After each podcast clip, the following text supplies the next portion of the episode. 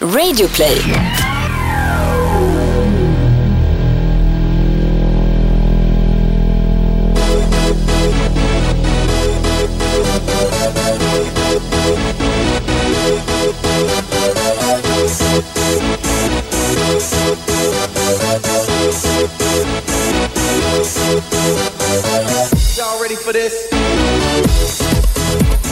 Varmt välkomna ska ni vara till Toto Balutto. Vi sitter här och eh, ondgör oss över att måndag den 12 juni kanske är sommarens svagaste födelsedag. Mauricio Isla och Thomas Sörensen. Jag vet inte, är man taskig mot Mauricio Isla då eller? Fast det var är- ju ett tag i, under Udinese-tiden som det kändes som att han var the real deal, att han var en ny Alexis Sanchez. Även om de spelar på två olika positioner, men succémässigt, alltså hans potential, klubbarna som nämndes kring Isla var ju ändå de, de största. Mm. Alltså jag tycker att eh, Isla, han eh, är väl lite arketypen över väldigt många spelare som har kommit från Udinese med goda vitsord och eh, potential att oj oj oj, här har vi sprängstoff. Ja, det och så blir det liksom som- inte så mycket. Det har blivit så på slutet, förr i tiden så var det ju många som kom därifrån och, och verkligen lyckades. Men Zielinski får, får man ändå säga, det, det är ju ett gräv av eh, Udinese. Och jag, som jag tycker så är han ju verkligen en spelare för liksom toppnivån. Ehm, om man ska vara lite schyssta mot Udinese då. Ranegi, var placerar vi honom här? Ja, det är väl Ragge- kanske inte, det är väl inte den, den, den bästa värvningen de gjort. Är han i Stockholm nu eller Ragge? Ja det tror jag. Kör Free transfer. Free transfer. Mm. Eh, är det bara Italien-runket som vet var Mauricio Isla är just nu? I vilken klubb han befinner sig i? Eller? Så, så är det nog. Ja, i Cagliari. Mm. Nej, men eh, jag tänker att eh, det har ju lämnat eh, en del spelare i den där klubben. Alltså, alltså Asamoah, det kändes som att han hade också så här, kan gå hur långt som helst. Nej. Fast, fast sam, ja, nej jag, jag håller med. Kom till nu är han inte Juventus, ordinarie, men han har inte tagit den där platsen och gjort den till jag sin. vet, men problemet med Asamoas karriär i, eller tid i Juventus är ju att han var skadad under den perioden han verkligen kunde ta en tröja. Sen ska det också sägas att det är en jävla bra ersättare, en bra roteringsspelare att ta in. För de matcherna som jag har sett han spela i år, och det jag läst mig till är ju att han, han, han, han står ju aldrig för en dålig prestation. Liksom. Nej, men och han, heller, han inga, heller inga superprestationer. Nej, men ska han, alltså superprestationen, han är ju inte en spelare som gör speciellt mycket mål och sådär heller. Nej, men samtidigt så var vi ju väldigt överens med Johanna Frändén för ett tag sedan om att det finns ju någonting härligt med spelare som har en enormt hög högsta nivå men som sällan får ut den. Men när den väl kommer, då jävlar. Ja. Och sen så går det lite trögt. Alltså Moa är ju mer hög lägsta nivå, låg högsta nivå. Mm. ja men jag, kan hålla med om det, även om det Tre fortfarande... plus rakt han, igenom. Ja, han hade ju fått tre i en Expressen eh, VM-guide. Jag tror han fick det också, VM 14 fick han Ja. nog tre. Och, men jag tror att jag ändå försökte få det till en fyra. För 14 då var han ändå så här, ja men kommer till Juventus, han spelade ändå rätt mycket. Sen är han, måste man ju säga, i landslaget så, så har han ju varit en fyra. Alltså mål ligger mig väldigt nära hjärtat, det, det hör du när jag, när jag pratar om honom. Jag Absolut. tycker att han är en Jag härlig pratade spelare. faktiskt om just Udinese som klubb och supportrar till det laget med Kristoffer Svanemar och Rickard Folker, vår gode vän. En Napoli-supporter, en Lazio-supporter. Precis, och jag håller på Roma så satt vi i lördags, tog ett par bärs gjorde vi. Mhm. Eh, Du var ute och löpte i sommarregnet såg jag. Själv satt jag på Håkans eh, längs Råsundavägen. Ligger faktiskt tvåa på Sunkhak, Stockholm. Vilken ligger etta? Det är något jävla, det är någon sylta i Farsta alltså. Stället mitt emot oss då, vi har ett kontor på Kungstensgatan, det ligger ju någon skön bar där. En C-bar. En C-bar. Mm. Nej, det är nog ändå lite för flashigt. Ägaren av Lion Bar, det är väl en kedja? De har flera Lion Bar och öppnar i, ute i landet. Ha- Hans dotter går i, i min dotters klass. Okej. Ja, vi spelar fotboll ihop. Kanske den eh, svagaste informationen som har lämnat Ah, men, ett Toto Balotto-avsnitt. Alltså kanske är det så att det- Lion Bars ägares dotter går alltså i din Eh, dotters Ja, och så spelar vi fotboll ihop, det är viktigt. Eh, och eh, kanske är det så att nästa Toto Baluns sker på Lion Bar. Ja, kanske. Jag har inget emot det. Nej. Nej men man har ju en, eh, man har en grej för eh, de här sunkhaken. Ja, Dive verkligen. bars på engelska. Alltså det ska ju vara tre stycken Jack Vegas-maskiner, det ska vara stora glas, Staropramen, Slattopramen, alltså de typerna av öl.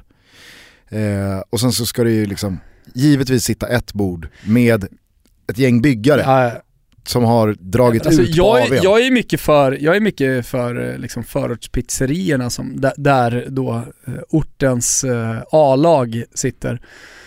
Eh, där det finns månadens öl. Som alltid, månadens öl, det byts ju aldrig. Det är alltid Mariestads, i Nej, alla fall där jag. Sofiero har ju varit månadens öl på Josefs i Vällingby sedan 2006. Ja, ny månad. Har vi något nytt på tavlan? Nej, det är Sofiero den här månaden också. Vad tycker du om IQ? Eh, Jag tänker på det, som öl tillhör fotboll väldigt mycket. Jag förknippar i alla fall fotboll med öl mycket och jag gillar att ta några bägare innan jag går och kikar. ibland, ibland några till. Ja, nej men eh, eh, väldigt kul eh, frekvent stamgäst på just Josefs, bara, kort sidospår i Vällingby.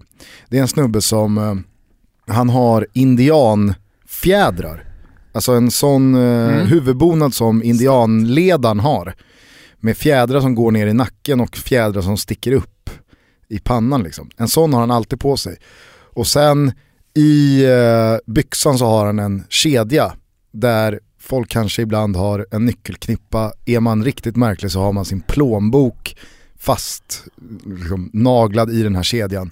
Men han har ju en Väldigt frisbee. mycket 2003. Han har ju en frisbee. Frisbee. Ja. Han har alltid en frisbee redo att Man gillar, ju de här, man, gillar ju de här loka, man gillar de här lokala förmågorna som blir kändisar i kommunen. Vi hade ju rödskägg i, i, där, jag är uppvuxen.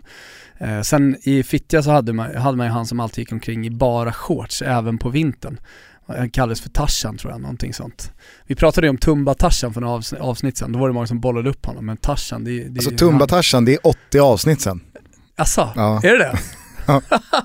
Känns som det var igår. Har vi hållit på så länge? Ja, så länge har vi hållit på. Men, men eh, Firar fan ett år snart, ja det gör vi. detta framgångståg som heter Toto Balutto. Se fram emot, det ska ni göra, att vi kommer göra någonting riktigt fett i början på eh, nästa säsong. Vi Mm. håller på och filar på det just nu. Tillsammans verkligen. med er lyssnare. Jag satt i alla fall på Håkans med Kristoffer Svanemar och vår goda vän Rickard Folker och så satt vi och pratade om just Udinese. Vad kan rimligtvis få en utom italiensk person att fastna för Udinese? Det är bara ringa Beppe Östergren. Exakt, för då satt vi och pratade om då vår gemensamma vän Beppe Östergren och varför han då fastnade för Udinese. Alltså det är ju en sån här klubb som är, ja, jag, jag fattar varför folk som är kanske 30 bast har en grej för Sampdoria eller Parma eller eh, jag menar kolla bara på Liverpool hur enormt stort eh, supporterskap den klubben har i det här landet trots att man har firat väldigt lite framgångar väldigt länge. Alltså det finns ju en, en eller fler bra perioder och stora spelare att härröra supporterskapet till. Ja, Men du har dels det. Jo men du har dels det, sen kan du landa också i, i, i vissa fall, i Sampdorias fall, eh, riktigt bra stämning på arenan. ja, eller eh, med- staden är Precis, fantastisk. exakt. Men- Udinese, det måste ju exklusivt vara för de personerna som har bott i staden på ett eller annat sätt. ja, Kan man tycka. Annars så känns det så oerhört Alltså, märkligt att du kan älska- fastna för ett lag som, Mm. De har aldrig varit i närheten av någon slags eh, buckla. De har ju haft bra spelare, absolut, men snarare bra spelare som sen har blivit jättebra.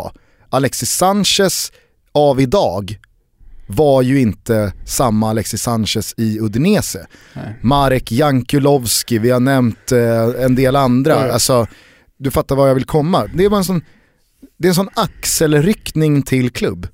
Ja, jag är helt med det där. Och vad det är då som gör att man fastnar för en klubb ändå, vilket uppenbarligen då Gustav Beppe Östergren är.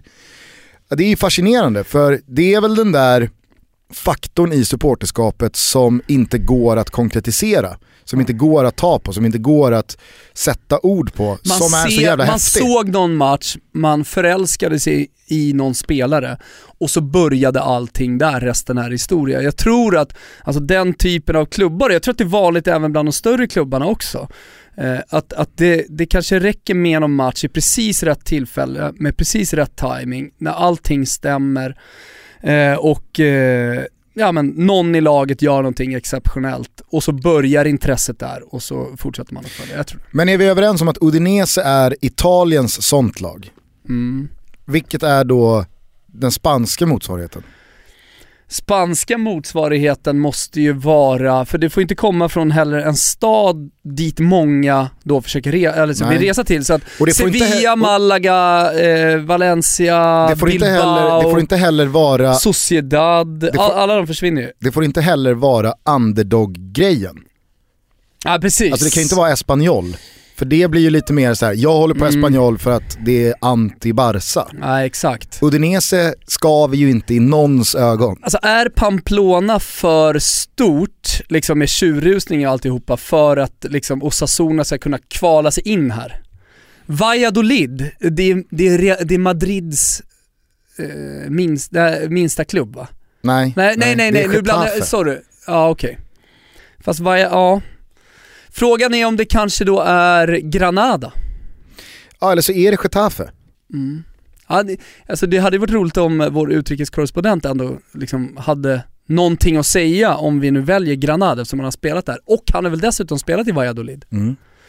Aj, nå- någon av de tre då kanske? Ja, jag skulle nog säga att mina pengar ligger på Getafe. Ja. Har huserat en del eh, spelare Vad kan som... de eh, Getafe på rak arm? Alltså, otroligt lite.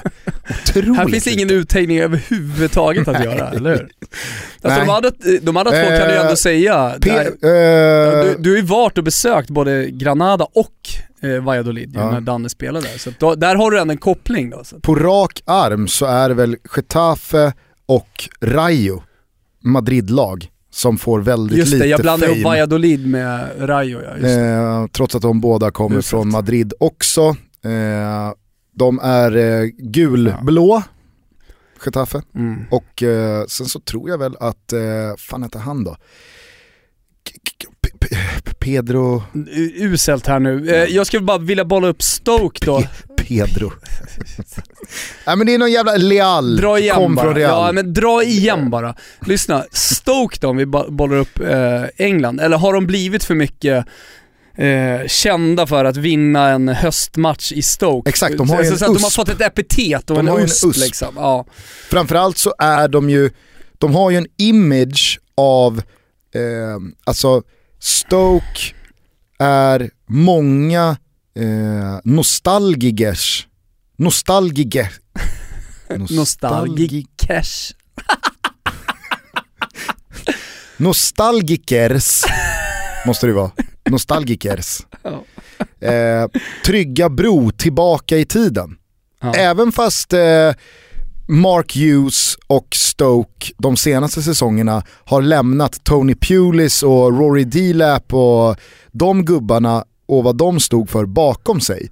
Idag så spelar ju Stoke snarare som vilket annat eh, engelskt mittenlag som helst med Shakiri och Arnautovic och ja, det finns ju ganska bra bolltrollare i det där laget. Men jag tror att de hann cementera en sån vi spelar fortfarande brittisk och engelsk fotboll så som vi gjorde på 80-talet i Stoke. Och så kanske finns det en liten då, ja men jag vill hålla fast vid det här, jag gillar Stoke. Udinese har ju fortfarande en, alltså, de har ingen USP alls. De spelar inte på ett visst sätt. Nej, och när du pratar Finns om... ingen underdog, Nej, men finns inget favoritskap. Det, som var USPen ett tag, och det, det som liksom... USP-fria. Jo men när, när det var lite bass kring Udinese, Det har aldrig till, varit jo, en men bass när kring Udinese. i Italien-runket då, när de tog sig till Champions League och så, det var ju att de hade eh, Europas bästa Sydamerika-scouting och att de, De åkte De väl i kvalet Champions League? Mot Arsenal? ja, nej, eh, jo det gjorde de ja, precis. Man minns ju när Sampdoria med Pazzini Casano mötte Werder Bremen Mm. i eh, Champions League-kvalet för övrigt. Marcus Och Rosenberg. Marcus Rosenberg sköt ut dem. Mm. Och vad hände efter det? Casano började bråka med klubben, satte sig i frysboxen, Pazzini slutade, Pazzini slutade göra mål, Sampdoria åkte ner till Serie B. Så kan det gå. Det var ju det folk var rädda för med Leicester den här säsongen. Och det, det är nog många som ska se upp alltså, som, som tar ett så stort kliv så snabbt och så oväntat. Eh, att man snarare då, precis som Ranieri gör, och gjorde helt rätt i, pratar om i Italiens Salvezza, eh, Rescue, att eh, stanna kvar och att det är det liksom, nå de här 40 poängen. Tur då att poängen. Udinese aldrig tar några raska kliv, vare sig uppåt eller Nej. neråt. De på puttrar sätt. på. De är i toppen av den undre halvan. Mm. Tyskland! Ja, alltså i Tyskland så känner jag att det finns alldeles för lite ut, alltså utländskt intresse för så många klubbar. Ja. Italien, Spanien och England, i viss mån Frankrike också. De har ju en internationell appeal gentemot alla. Men, vänta här, jag håller med. har inte Tyskland det? Alltså så här, några klubbar, absolut. Men jag tror att det är betydligt fler svenska fotbollsintresserade personer som har eh, någon slags koll på eller relation till lag som Udinese, Stoke och Osasuna. Än vad man har okej. till Ja men här finns ändå, det, det, Augsburg. jo jag, jag, jag, visst, men när jag bara liksom bara snabbt scannar av eh, den eh, tyska ligan så hittar jag ju till exempel då några lag som sticker ut som jag direkt kommer att tänka på. Det är ju Freiburg till exempel. Ja, sen Och- har ju Johan Orenius, Offsides eh, Jag vet. Vilket är... chaufför, Mm. han har ju lyft upp Freiburg ur det meningslösa träsket. Satt Men har ljus han på den lyckats? klubben. Ja, det skulle jag ändå säga. Okej då. Låt oss säga då att det är Johan Or- Orenius emot för att Freiburg ska vara Tysklands Udinese. Jävlar bara innan du fortsätter, vad vår gubbe, Pöler, Adam Nilsson, tog det hårt. När Johan Orenius kör det här knäcket, för er som inte vet om det så eh, började Johan Orenius i svallvågorna av att han själv började känna så här: jag bryr mig inte längre Nej. om eh, fotboll i allmänhet och Arsenal var väl hans lag då i synnerhet. Jag har tappat de supportermässiga känslorna för att jag tror inte att jag har någon relation till den här klubben längre. Så då, eh, vad, vad säger man, han dammsög då Europa på klubbar som rimmade med hans värderingar, som stod för saker som han stöttade, som hade Eh, en, eh, en sund inställning till både ekonomi och människor och eh, ja, det ena med det tredje. Och landade då i att Freiburg, SC Freiburg, det ska bli mitt lag. Och så åkte han till Tyskland och till Freiburg, besökte klubben, gick på några matcher, eh, levde lite i staden och sådär. Och så skrev han om det här. Och över en natt så blev ju då Johan Orenius Sveriges mest profilerade supporter till ett tyskt lag. Och Adam Nilsson då som hade gnuggat Bundesliga i, i många år. Ja. Han kände sig okej. överkörd. Ja, men då, då vill jag cementera att Tysklands Udinese, det är Mainz. Och så behöver vi inte diskutera det så mycket. Det bara är så Gusten. Alltså, 200 000 invånare, det är väl ungefär samma som Udinese, fan vet jag. Och en klubb som ingen jävel bryr sig om. Och de har absolut ingen USP heller. Nej, Nej. det är, Där har du det. är fan sant. Sen kommer någon, någon bratwurst där ute som lyssnar på oss, eh, Uppstudsan och Pöler och, och gänget kommer säga upp, upp, upp. Det kommer komma ett app, app, app Mm. på Mainz. Men det app, app, app är ju förgäves. För att Mainz är ingenting. Nej. Men jag tycker ändå att vi borde bolla upp ett motbud till Stoke, för jag tycker inte Stoke är det vi, vi söker här. Nej, nej det, det, det är liksom, eh, det, det för mig är det liksom den regniga bortamatchen och Zlatan ska göra mål. Det är liksom uspen för Stoke. Jag, jag, jag, jag, jag, jag kan inte ta till mig det historiska för det kan jag hitta massa liknande historiska grejer med Udinese. Men om någon säger till dig, Ja. jag håller på Stoke, så Ja. kan du ju ändå känna, ah, jag fattar. Jag, jag, jag, Jag fattar här- grejen ja, exakt, exakt. jag fattar ja, grejen med varför du håller på Stoke. Ja, exakt. Alltså, det findå inte, den grejen finns inte med Udinese, Alltså, Mainz Håller och man på Getafe. Stoke, då, då är man hardcore britt. Alltså oavsett om man är svensk, då har man, då har man på något sätt anammat det brittiska, man har, man har gjort det till sitt. Och Du man åker ju- ut på den engelska landsbygden, liksom Mm. bort iväg till någon jävla stålindustri där man jobbar. Eller känner någon som jobbar och så eh, gillar man Stoke. Hellre en knäckt benpipa Ja. än ett fint tiki-taka-mål. Precis. Det är liksom Det, det, Mainz, nej. Varför i helvete håller du på Mainz? Det är meningslöst. Ja, helt meningslöst. meningslöst. Men i England då, kanske det laget är, nu har ju för sig Mats Sarri förstört mycket under kort tid, men i Watford, Det är nog fan och det är dessutom ägt då av eh, Pozzo-familjen som äger Udinese och Granada. Det är därför också kanske Granada fortfarande lever lite i, i Spanien. ja, men Granada gjorde ju väldigt mycket för att tvätta bort den meningslösa stämpeln när de tog in Tony Adams. Det är sant alltså, det, det, Tony Adams kommer in och förstör här. Mm. Eh, men gjorde inte Watford det då med Matsari? Han, för han blev aldrig Matsari. Kom, ska vi, vi bara kort lyssna på hur det lät när Matsari kom till... Nej, jag kan inte få nog av det. När han kom till Watford. I choose this club because I like as is run, as is run, as is run, and is close to my football idea. I'm improving my English and there are no problems for training. In press interview, I will be helped, helped, helped by a translator, so that I am giving full respect to every question. See you at Vicarage Road. Thank you very much. Nej, d- nej. Tony Adams är Tony Adams, det var en annan grej. Sunderland då? Nej, för det är liksom North East, hela den grejen. eh, Det, det, nej, nej, Stadium of Light och det, det, det var coolt på 90-talet och det, det, nej, det, finns, det finns för mycket med Sunderland. Är det kanske Aston Villa? Nej, oh, ja, kanske fan. Alltså ändå ett lag som huserar ofta i, alltså alltid och historiskt. Udinese har alltid varit med också, Ja. haft en del stora spelare, precis som Udinese har haft. Men Vem vet känner- vilka som har lirat till Mainz dock? Ingen! Nej, ingen. Ingenting! Mainz är nästan bättre i det här segmentet än vad Ja, är. Mainz är ju det är ett tomt blad. Ja, ja. Mainz är ett helt tomt blad.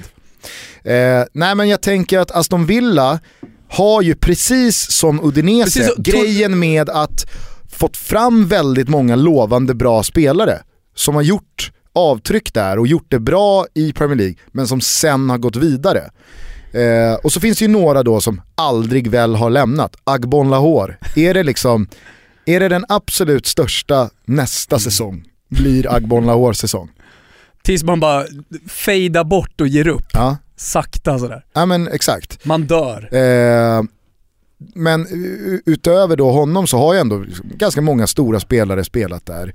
Eh, på sista tiden så, jag menar du har ju både Delf och eh, Ashley Young Jo. och men, j- Men det, det har ju ingenting att göra med, alltså ja, men vi, vi kan ju rabbla upp eh, en rad storspelare i Udinese. Mm, Det- men inte i det- Mainz. Nej, vilket gör dem perfekta i det här segmentet. Men, men i O- i Udinese så finns det ju många storspelare som gör att man förstår att man liksom minns Udinese i historien. Exakt, men Fast det är skulle fortfarande, Udinese... det är inte det vi snackar Nej, om här, utan det det, jag- är varför i helvete håller du på Exakt. Och jag Det tror att det finns lite samma sak i att om nu Udinese skulle åka ur Serie A, då skulle ingen som inte håller på Udinese, vilket är väldigt många människor i den här världen som inte håller på Udinese, skulle inte bry sig så mycket. De skulle inte bry sig så mycket. Precis som att när Aston Villa, denna klassiska klubb och Mellberg var kapten och ja, men, du vet, hela den grejen, Villa Park.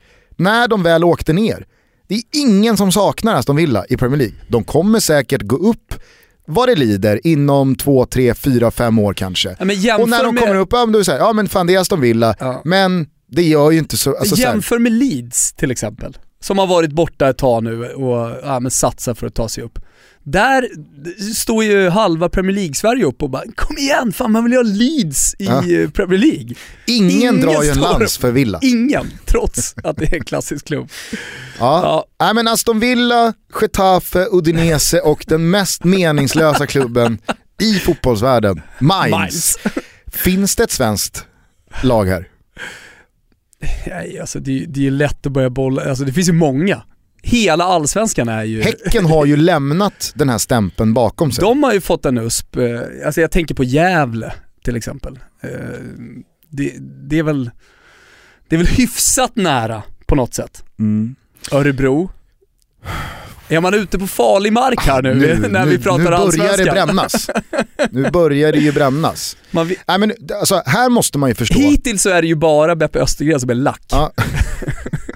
här måste man förstå att när vi nu ger oss in i Sverige så går det ju inte att prata om människor som på något sätt bor eller har en relation till Nej, nej, staden i exakt, fråga. exakt. De är ju diskvalificerade. Det är Precis. väl klart att folk från Kalmar håller på Kalmar. Eller folk från Gävle håller på Gävle. Det vi pratar om nu, Folk det är ju så här, hur sjukt är det ifall en person i Umeå fastnar för att hålla på Mjällby? Ja. Eller till och med då eh, en, en person som bor i ett helt annat land. Mm. Eh, och Jag menar, det, det är fullt rimligt att IFK Göteborg, Malmö FF har supportrar runt om i hela Sverige. mm, För att de var så bra i så många perioder under de senaste 30-40 åren. du Att man har någon farsa som håller på, man har någon morsa som kommer där. Alltså du vet så här.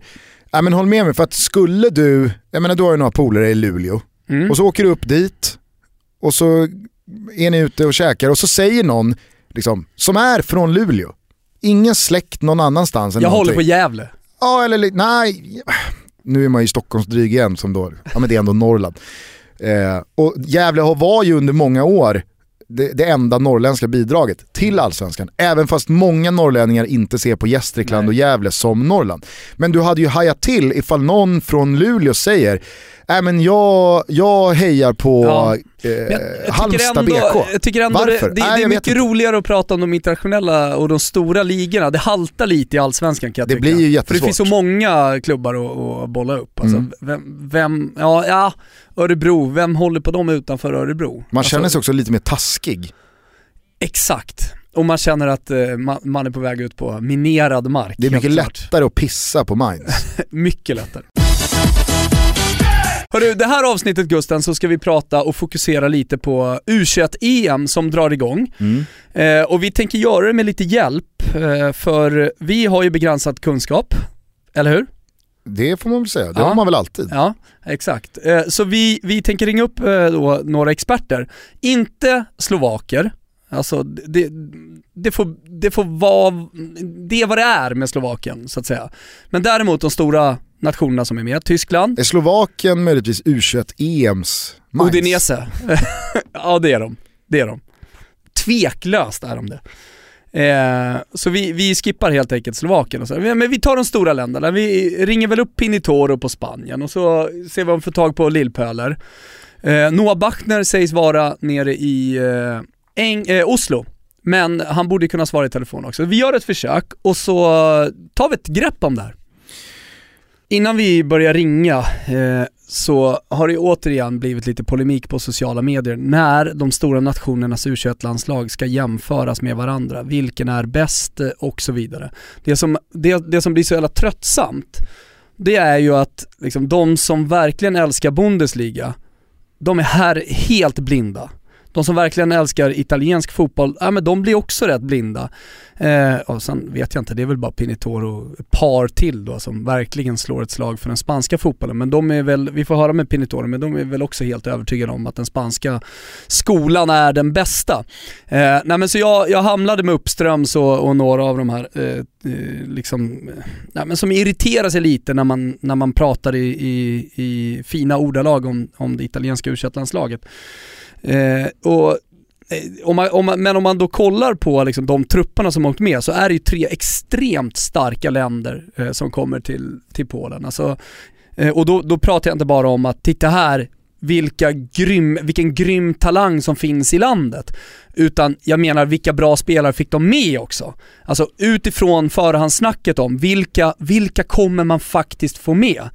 Och det slutar med, till exempel i Italiens fall då, att Donnarumma åker, Bernardeschi åker, alltså A-landslagsspelarna, Rogani och så vidare, eh, de, de får även komma med i, i det italienska laget. Sen är det ju, sen går det ju inte heller att säga den tyska eller den spans de spanska talangerna är bättre för att den ligan är bättre. Det blir också lite subjektivt att, att börja jämföra de här talangerna med varandra. Vem är bäst? En spelare som eh, spelar i Atalanta kommer fyra i Serie A och gör ett jävla avtryck där. Eller en lirare som, vad vet jag, lirar i Freiburg, kommer sjua i Bundesliga det, det, vet vi ju inte. Vi, det vi vet är att det är stora talanger som knackar på dörren eller redan är med i A-landslaget. Jag, jag, tycker bara att den diskussionen, kan vi inte bara lämna den lite sådär och, och bara konstatera att det är tre slaktlag som åker till, eh, till Polen den här gången. Mm. Portugal ska vi såklart inte glömma heller i, i här, som, som, vi vet eh, ofta har eh, några av de absolut största talangerna i, i laget. Nej, verkligen. Har Tyskland någon gubbe från Mainz med? Ingen aning. Vi får kolla med Lillpölen. Har Italien med någon från Udinese? Nej. Nej, såklart. Eh, men eh, ska du ringa Adam Pintorp då? Kan vara så att någon är ägd av Udinese. Det, jag, jag, jag, får tänka till på det. Men vi, vi börjar att ringa till Sveriges absolut främste Spanien-expert. Ni kanske känner igen hans röst när ni hör honom från TV4 där han kommenterar men de lite mindre rättigheterna, allt från då handboll till eh, innebandy, till eh, amerikansk fotboll, till eh, superettan. Jajamän. Eh, vi älskar honom. Pinitoro från Falköping och han brukar ofta rätta också när, när man säger Falköping. En liten gård utanför Falköping. Vi ser om han svarar. Tja Tompa. Buenos dias! Tja, hur är läget? Jo det är mycket bra. Varmt välkommen till Toto Balutto. Ja men tack. Du, vi tänkte snacka lite om eh, Spaniens U21-trupp här eh, när eh, mästerskapet alldeles strax drar igång. Det är lite pang på. Mm. Vad, vad, vad kan man säga i generella ordalag om den här truppen? Är man rättmätiga favoriter? Alltså så här, jag, jag har ju... Jag är möjligtvis lite, lite färgad då, eftersom jag inte har lika bra koll på de övriga trupperna mer än att jag har eh, kollat igenom dem. Men jag tycker fortfarande att det är vore praktfiasko om man inte håller, eller om de inte skulle gå, gå och vinna liksom, för, för Spanien. För de har en ruggig trupp på pappret i alla fall. Inte minst offensivt får man ju säga. De, vi var kika på spelarna som, som rent av inte ens tar en plats i truppen. Så då inser man att eh, de, de har en hel del att, att välja på. Så att eh, truppen eh, är definitivt eh, tillräckligt bra för att hålla dem som favorit, det tycker jag. Det är ju många som eh, följer Bundesliga, vi sa det precis här innan, det är många som följer Bundesliga som vill hålla liksom, den tyska truppen som den starkaste. Italien fick ju med sig några av de här spelarna som man var lite osäker på som eh, normalt sett spelar i mm. A-landslaget eller som precis har kommit upp i A-landslaget, typ Bernardeschi, Donnarumma och så vidare. Vad säger du, vad säger du till, till Italien-runket och bratwurstarna? Nej, det, det, är väl, det är väl som alltid att man, eh, man håller väl eh, de landslagen man följer, följer eh, närmst ganska högt. Mm. Uh, men jag, jag slår väl ett slag för, eh, för Spanien där också. Men de, de är ändå med de spelarna som, ja, men som spelar i A-landslaget. Det är inte så många, men Ke, Kepa som är, han är väl reservkeeper, eller trea kanske bakom de Gea, kommer ju stå i mål. Uh, Deulofeu som, ja, som ni mer än någonsin antar jag känner till efter hans session här i Milan, är ju lagkapten och är med i A-landslaget nu, men kommer ju gå direkt till till U21-truppen sen. Eh, så de, de har ju med ganska många med åtminstone lite rutin som har testat på spel mm. i, i A-landslaget. Och offensivt som sagt så är ju truppen ruggigt bra.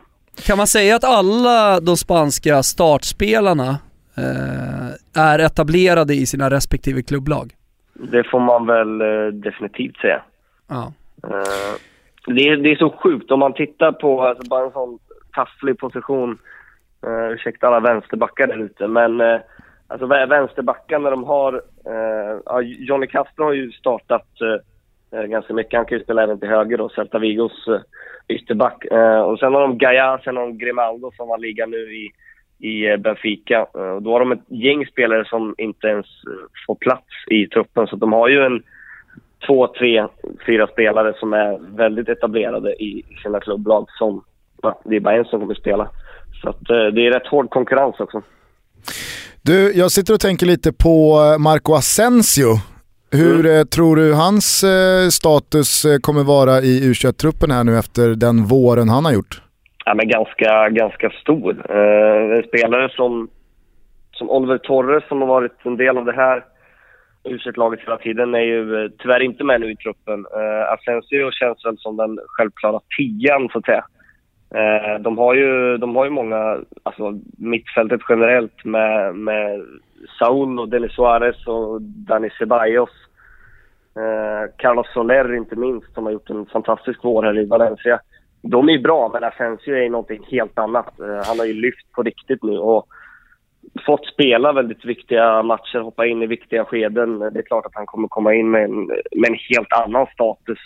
Förmodligen kommer han väl också starta i en sån typ av roll där han får lite fritt spelrum. Lite framför då förmodligen Saul och, och Marcos Llorente som täcker undan lite där på, på mittfältet. Så att, eh, det lär väl bli en, eh, en stor behållning får vi hoppas.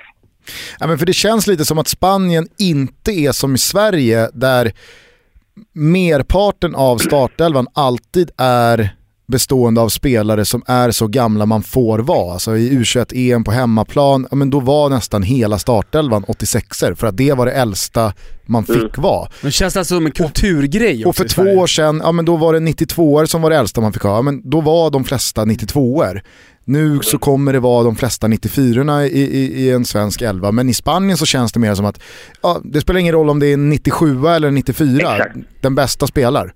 Ja men så är det ju. Alltså, det är ju... Och Asensio är ju född 96 här liksom, så, men ändå så känns han ju tokgiven. Ja men han, han kommer givetvis, eh, givetvis spela. Det är bara att kolla på, på Deulofeo. Han har ju både gjort flest mål och flest uh, u landskamper uh, Och han är ju, tillhör ju det äldre gardet nu eftersom han är 94. Han har gjort 30, vad är det, 30, ja, någonting, över 30 u landskamper och varit med i mästerskap förut. Så det, det säger ju en del om att de ja, men de tittar bort från, eh, från det där utan spelar med de bästa spelarna. Jag tycker givetvis att det är helt rätt.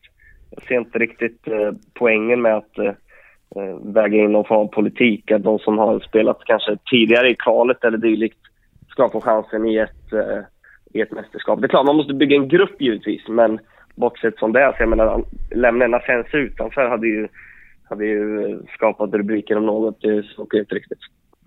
Asensio Real Madrid, eh, Beijerin från Arsenal och Saul mm. från Atletico Madrid utöver då Delufeu som många nog känner till från tiden i både Everton och Milan här nu senast. Är det någon annan spelare som eh, folk utanför den iberiska halvön bör ha ett litet extra öga på? Det, det är ju som sagt, alltså konkurrensen blir ju blir svår. Det är svårt att, att veta exakt hur, ja, vilka som kommer spela. Men om vi tänker offensivt då, så Sandro Ramirez gjorde 14 mål. Han är född 95 i, i Malaga. Eh, mer eller mindre klar för Atletico Madrid nu som det verkar. Eh, anfallare fostrad i, i Barcelona som, som, tog en plats i truppen nu för Monir som också Barca-fostrad men håller till i, i Valencia. Även Santimina, en eh, Celta Vigo-spelare. Så han har ju alla möjligheter att, att faktiskt starta som, som nia. Han bör man ju ha lite koll på. Han kan ju bli ska man säga, den här upplagans Morata eller Adrian som det var. När de, eh, de vann ju 2011, 2013. Uh, och då var det de som gjorde målen. Uh, Iñaki Williams, en annan Athletic Bilbao-spelare som uh, kan spela i stort sett överallt på alla offensiva positioner. Uh, otroligt bra. Jag vet inte om man, uh, ni som har koll på, koll på Silly, men varenda brittisk klubb har ju försökt värva honom senaste året. Jag antar att det lär väl vara samma visa även den här sommaren. Men eh, han är kvar i Atletic som det är nu i alla fall. Samtidigt så är det väl, Atletic Bilbao är ju den klubben som har flest följetänger rent sillymässigt. Mm, ja, så är det ju. Och det är väl också en klubb där Laporte och Munjain och... Vad händer med Munjain egentligen? Alltså. Vad händer med Munjain? Ja. En bra fråga. Han har varit rätt bra faktiskt i år. Mm. Han är inte, han är inte... Men det var ju ett tag man pratade om honom som liksom den nästa liksom, stora spelaren i Spanien. Mm. När han kom ja, fram. Han, han, han kommer inte... Jag, jag, jag tror att de korsbandsskadorna har ju förstört mm. på något sätt lite möjligheterna. Han hade behövt de där åren när han var fortfarande hypad och fortsätta växa. Då hade han väl kanske i och för sig stuckit utomlands mm. eller någon annanstans. Uh, det känns som att han har stagnerat lite men ändå kommit upp på en nivå nu där han åtminstone startspelare igen. Men äh, det är trist att det förstör så för, så fina spelare. Jag, jag mm. antar att många, många minns honom från den där våren under Bielsa när han gick in och dansade salsa med alla på Old Trafford, bland annat. Du Pinitoro, jag ser här när jag ögnar igenom Spaniens trupp att det blott är en spelare från Barcelona, alltså Denis Suarez och en spelare från Real Madrid, Marco Asensio. Är det här någonting eh, som eh, det, det, det pratas om i Spanien, att eh, Real och Barca inte har fler unga spanjorer i sina trupper?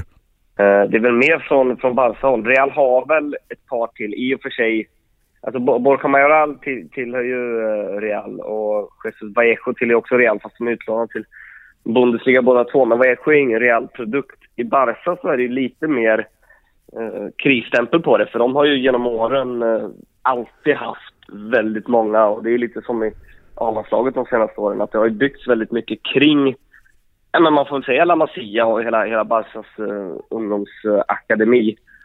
Uh, och det är ju uh, det hör väl ihop lite med hur man, hur man tänker i, i den klubben just nu. Att man inte längre har flyttat upp eller satsat på det på samma sätt och inte tagit hand om sina talanger på samma sätt. Sen så är det väl inte konstigare än så att man kan ju inte alltid år, generation efter generation, bara fortsätta föda nya Iniesta och nya Messi på det sättet heller. Men eh, i Barcelona så såklart att det, där är det en stor grej. Å andra sidan så har man inte så mycket att komma med. Det finns inte några spelare som man kan peka på och säga att den här spelaren borde varit med före en Asensio eller före en Saul eller sådär. De, de existerar inte riktigt i nuläget. Så det är väl inget, inget så sett. Det är väl mer ett generellt perspektiv att de eh, är oroade för, för framtiden och utvecklingen som har varit.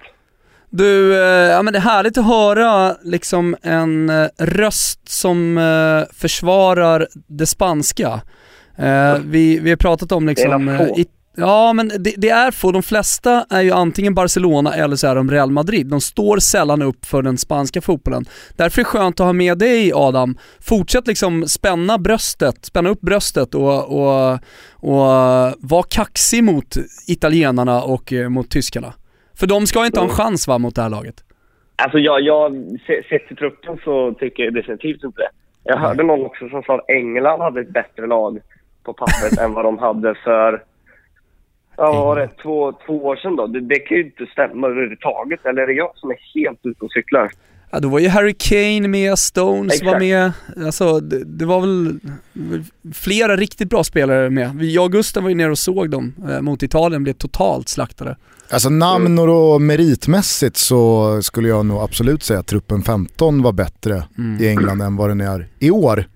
Å andra sidan så gick man och vann U20-VM igår, mm. så att, eh, det är nog eh, fullt rimligt eh, att tro att eh, de här lite mindre namnstarka engelska spelarna kanske de facto är bättre som lag. Men du, Pinitoro, eh, vi, mm. vi etablerade dig lite innan här, jobbade på TV4 som kommentator. Eh, du, du är ofta runt i landet. Eh, Avesta känns som en liten eh, centralort för dig. Det är där man byter tåg för att ta sig vidare. Alvesta, ja. ja. Alvesta sorry. Hässleholm och Alvesta och Hallsberg och allt vad det är. Var bär du av härnäst? Jag var som Kviborg sa, jag har mest SJ-poäng i hela Sverige just nu. Har du SJ-kort alltså? Nej, jag har inte ens det. Fan vad dåligt. Uh, du hade kunnat åka vart du vill i Sverige, du kanske inte vill åka någonstans i Sverige efter alla, alla resor. Exakt. Uh, vad blir av härnäst? Jag, vet, jag kom hem nu igår sent efter uh, en ny liten Sverige, Sverige-turné. Var var du då? Jag var i Varberg i, i lördags och i Göteborg igår. Ja, det är ändå, det är ändå, alltså Varberg på sommaren är ju toppställe. Ja, det är faktiskt fint där. Det är skönt väder också. I Göteborg regnar det såklart, men ja. så kommer man någon mil utanför så kan det vara fint. Nej, men du... Eh, ja, vad är det härnäst? Jag vet inte. Det är, jag ska till Varberg igen nästa helg. Eh, jättemycket Varberg. Ja. Adam, får jag bara fråga om eh, förbundskaptenen Albert Celades. Ja. Visst är det gamla Real Madrid-mittfältaren? Ja, exakt. Han har spelat i både, både Real och Barca. Han är en av, en av de där ja, det är en minoritet eh, sett till... Eh, det är väldigt få som har spelat i både Barca och Madrid eh, när det gäller A-lag då. På uppstuds tar man väl Luis Enrique och eh, Figo? Samuel Eto'o till och med. Ja. Fast, Men han, han gjorde det, han, han, var ju inte, han, var ju inte, han var inte bra i Real Madrid. Nej, där, precis. Han, han gjorde var, inga var, avtryck där. Han var ju Han är ung också. Men, eh, Men med ja, Selades där, är det, någonting, eh, är det någonting för framtiden? Jag är väl lite nyfiken framförallt på, på att just se honom i ett sånt här mästerskap. För jag menar, kvalet var inte jätteimponerande. Trots att de hade ett väldigt bra lag, eh, eller har för all del. Så jag menar, Sverige vann den gruppen och de var tvungna att kvala sig vidare. Det var Österrike de slog och, och, det var absolut inte att de, att de satte ner foten och, och visade enorm Det är väl det som är lite emot man, den här motivationen? Ja, det är det som är lite, lite, lite emot. Att man, man, man sätter ett frågetecken kring kollektivet Spanien, hur det var när Lopetegi då, som är förbundskaptenen för Spanien, tränade U21 och hade stora framgångar. För man vet ju inte riktigt. Han har ju Alltså han spelade ju rätt länge själv och har ju tränat eh, är det U20 och kanske U19 tidigare också i Spanien. Så jag har ingen jättekoll på honom utöver det. Han har ju bara tränat ungdomslandslag. Så att, eh, det blir väl lite upp till bevis om han är man och satsa vidare på eller om man kan ta ett klubblag framöver eller så. Men eh, det är klart, han har en stor ryggsäck med sig från, eh, från den egna spelarkarriären. Säkert många olika infallsvinklar där, men eh, det säger ju inte att han blir en bra tränare per automatik. Så att, eh, lite upp till bevis, känner jag. Ja, jag kommer syna Celades lite extra känner jag under det här mästerskapet. Så mm. ser vi väl om eh, Spanien kan hedra sitt, eh, sitt favoritskap. Du, avslutningsvis bara innan vi släpper dig. Vi pratade lite här innan om vilka som är de mest meningslösa klubbarna att fastna för supportermässigt i Europa. I Italien så landade vi i Udinese, i Tyskland blev det Mainz, i England så hittade vi Aston Villa och sen så målade vi ut Getafe som det liksom jag mest... Jag tänkte precis på Getafe när du sa det, att jag, jag, jag förstod att du skulle komma till Spanien. Ja. men, men, är vi ja. rätt på det där? Ja, men det får vi väl säga. Uh, det är ju en... Uh... Hittar du någon USP i Getafe? Om du verkligen ja, gräver? Men, de, har, de har ju en jävligt rolig story att de uh, gjorde en reklamfilm för några år sedan där de... Det var en, en av få supportrar som som skulle liksom eh, donera ut sperma för att liksom föda fler supportrar in i hela Getafe-meckat. Eh, men det, det, är ju ganska icke-existerande. Så att, eh, Har man följt det upp det här? Det har, väl inte lyckats. Sådär. Nej, jag vet inte. Det här var några år sedan. Så att, man får väl fortsätta och... Men hur skulle det här gå till då? Med, med sperman tänker jag. Det var, det var, det var lite det var ytterst skämtsamt men... Ah. Ja, jag vet inte, de, de, men det tyder i alla fall på att de... Det är ändå kul. Exakt, det, det ringer ju in att de själva ser på sig som Spaniens Udinese, eller Spaniens alltså, Mainz. I det här gänget av eh, eh, klubbar som man eh, har svårt att se någon utanför landet eller utanför staden eh, följa så, så seglar ju Getafe just nu upp som favorit bland, bland de övriga, Udinese, Mainz och, och Aston Villa. Du, är jättehärligt att snacka med dig Pinitoro, hoppas att det blir fler gånger här. Eh, du är såklart också välkommen. Vi vill ju värna om den, den spanska fotbollen som eh, ja. är så bortglömd bortom Barcelona och Real Madrid. Eh, nej, jag, jag, jag, jag tror ju aldrig på Spanien va. Det, det, det är någon slags grundinställning jag har. Från när jag växte upp liksom, att de spanska landslagen de lyckas aldrig riktigt i mästerskapen. Sen har ju det ändrats då, då med EM och VM-vinster och eh, när de mm. har tagit över Europa och i stort sett ägt eh, Europa vad det gäller klubblagsfotbollen. Så, så eh, men jag håller på att ändra inställning, men än så länge så har jag inte vänt. Jag tror att det blir en väldigt eh, tight grupp det där. Eh, det ska mm. bli spännande och framförallt Portugal se Spanien, Spanien-Portugal i, i andra omgången. Det känns som ett, eh, ett riktigt kraftmätarmöte de två länderna emellan. Du som ändå är grannland då eh, till, till Portugal, har du någonting att, att, att, säga om det laget lite kort bara sådär? Ja men de har ju, de har ju superbra trupp. Alltså om man pratar Italien och, och ja, Tyskland för all del så tycker jag verkligen man måste alltså, väga in Portugal där. Dels för deras eh, mästerskap senast men också om man ser till spelarna med Renato Sanchez och Ruben Neves. Eh, Bruma för all del, Kevin Rodriguez har väl ni koll på. Eh, mm. Och eh, nej, de har, de har eh, Bruno Fernandes spelar väl i Sampdoria till och med. Eh, de har, eh, de har bra gäng på pappret då. Det är, det är som Spanien. men jag, ja, jag tror att det där kan bli en rejäl tuff nöt att knäcka. Kanske lite också just det där att den här matchen kan bli enormt avgörande för att man vill inte bli tvåa i gruppen eh, och få med sig den där känslan in till ett slutspel. Så att, eh, mm. ja, möjligt, möjligt att eh, vinnande laget där tar en, tar en finalplats kanske. Vi ser fram emot också att knäppa på TV4 Sport, denna insomnade kanal nästan eh, som eh, stoltserar med kanske Varbergs Boys då mot, eh, ja vad, vad, vad, ska vi, vad ska vi ta för lag som de möter ibland i... i eh... Nej, det kan vara allt ifrån Åtvidaberg ja, till... var, eh, exakt, jag var på väg att säga Åtvid. GGG. Varbergs Guys, det var ju en jävla, var inte det 7-1 matchen? Jo, exakt. Kommenterar du den? Nej. Nej, jag gjorde den efter där mot Falkenberg som blev 3-5. Den var ju jävligt sjuk också. Ja. Mm. Det hände Nej, Men grejer det i ska bli kul, vi slår ett slag för TV4 Sport gör vi helt klart, med Pinitoro som, eh, som eh, flaggbärare. Verkligen. Eh, annars får du ha en jävla fin sommar tills vi ses snart igen. Ja, men detsamma gubbar. Kör hårt nu. Ha det så Ja. kul i eh, Polen. Jag har förstått att ni ska ner en sväng. Ah, vi ska mest åka buss. vi ska mest åka buss och dricka bärs. Ja, det är som vanligt. Buena suerte! Vi Säger hörs då boys. Ja, bra. Tja. Adios. Du, eh, vi, vet du vad vi gör? Vi sätter lite jävla tempo på det här och så ringer vi upp Bachnergubben direkt och pratar engelsk fotboll, eller hur? Ja. Han befinner sig, han har precis avslutat en presskonferens tror jag. Noah Bachner, Expressens upplyfte krönikör. Vinnare i Guldsköld? Nej, men han var högt upp i, i, i tabellerna där. Han är i Oslo och följer Sverige och Sverige-Norge då, den här meningslösa träningslandskamp. Och pratar nog jättegärärna om det engelska u landslaget Vi var inne på det lite med Pinny här, se om han håller med oss. Tjaba! Härligt! Vad Välkomna gör till du? mig. Ja, tack, vad Fan gör vad du? asig du låter. Jag och Lavdic går genom ett eh, kallt, grått, själlöst köpcenter i Oslo.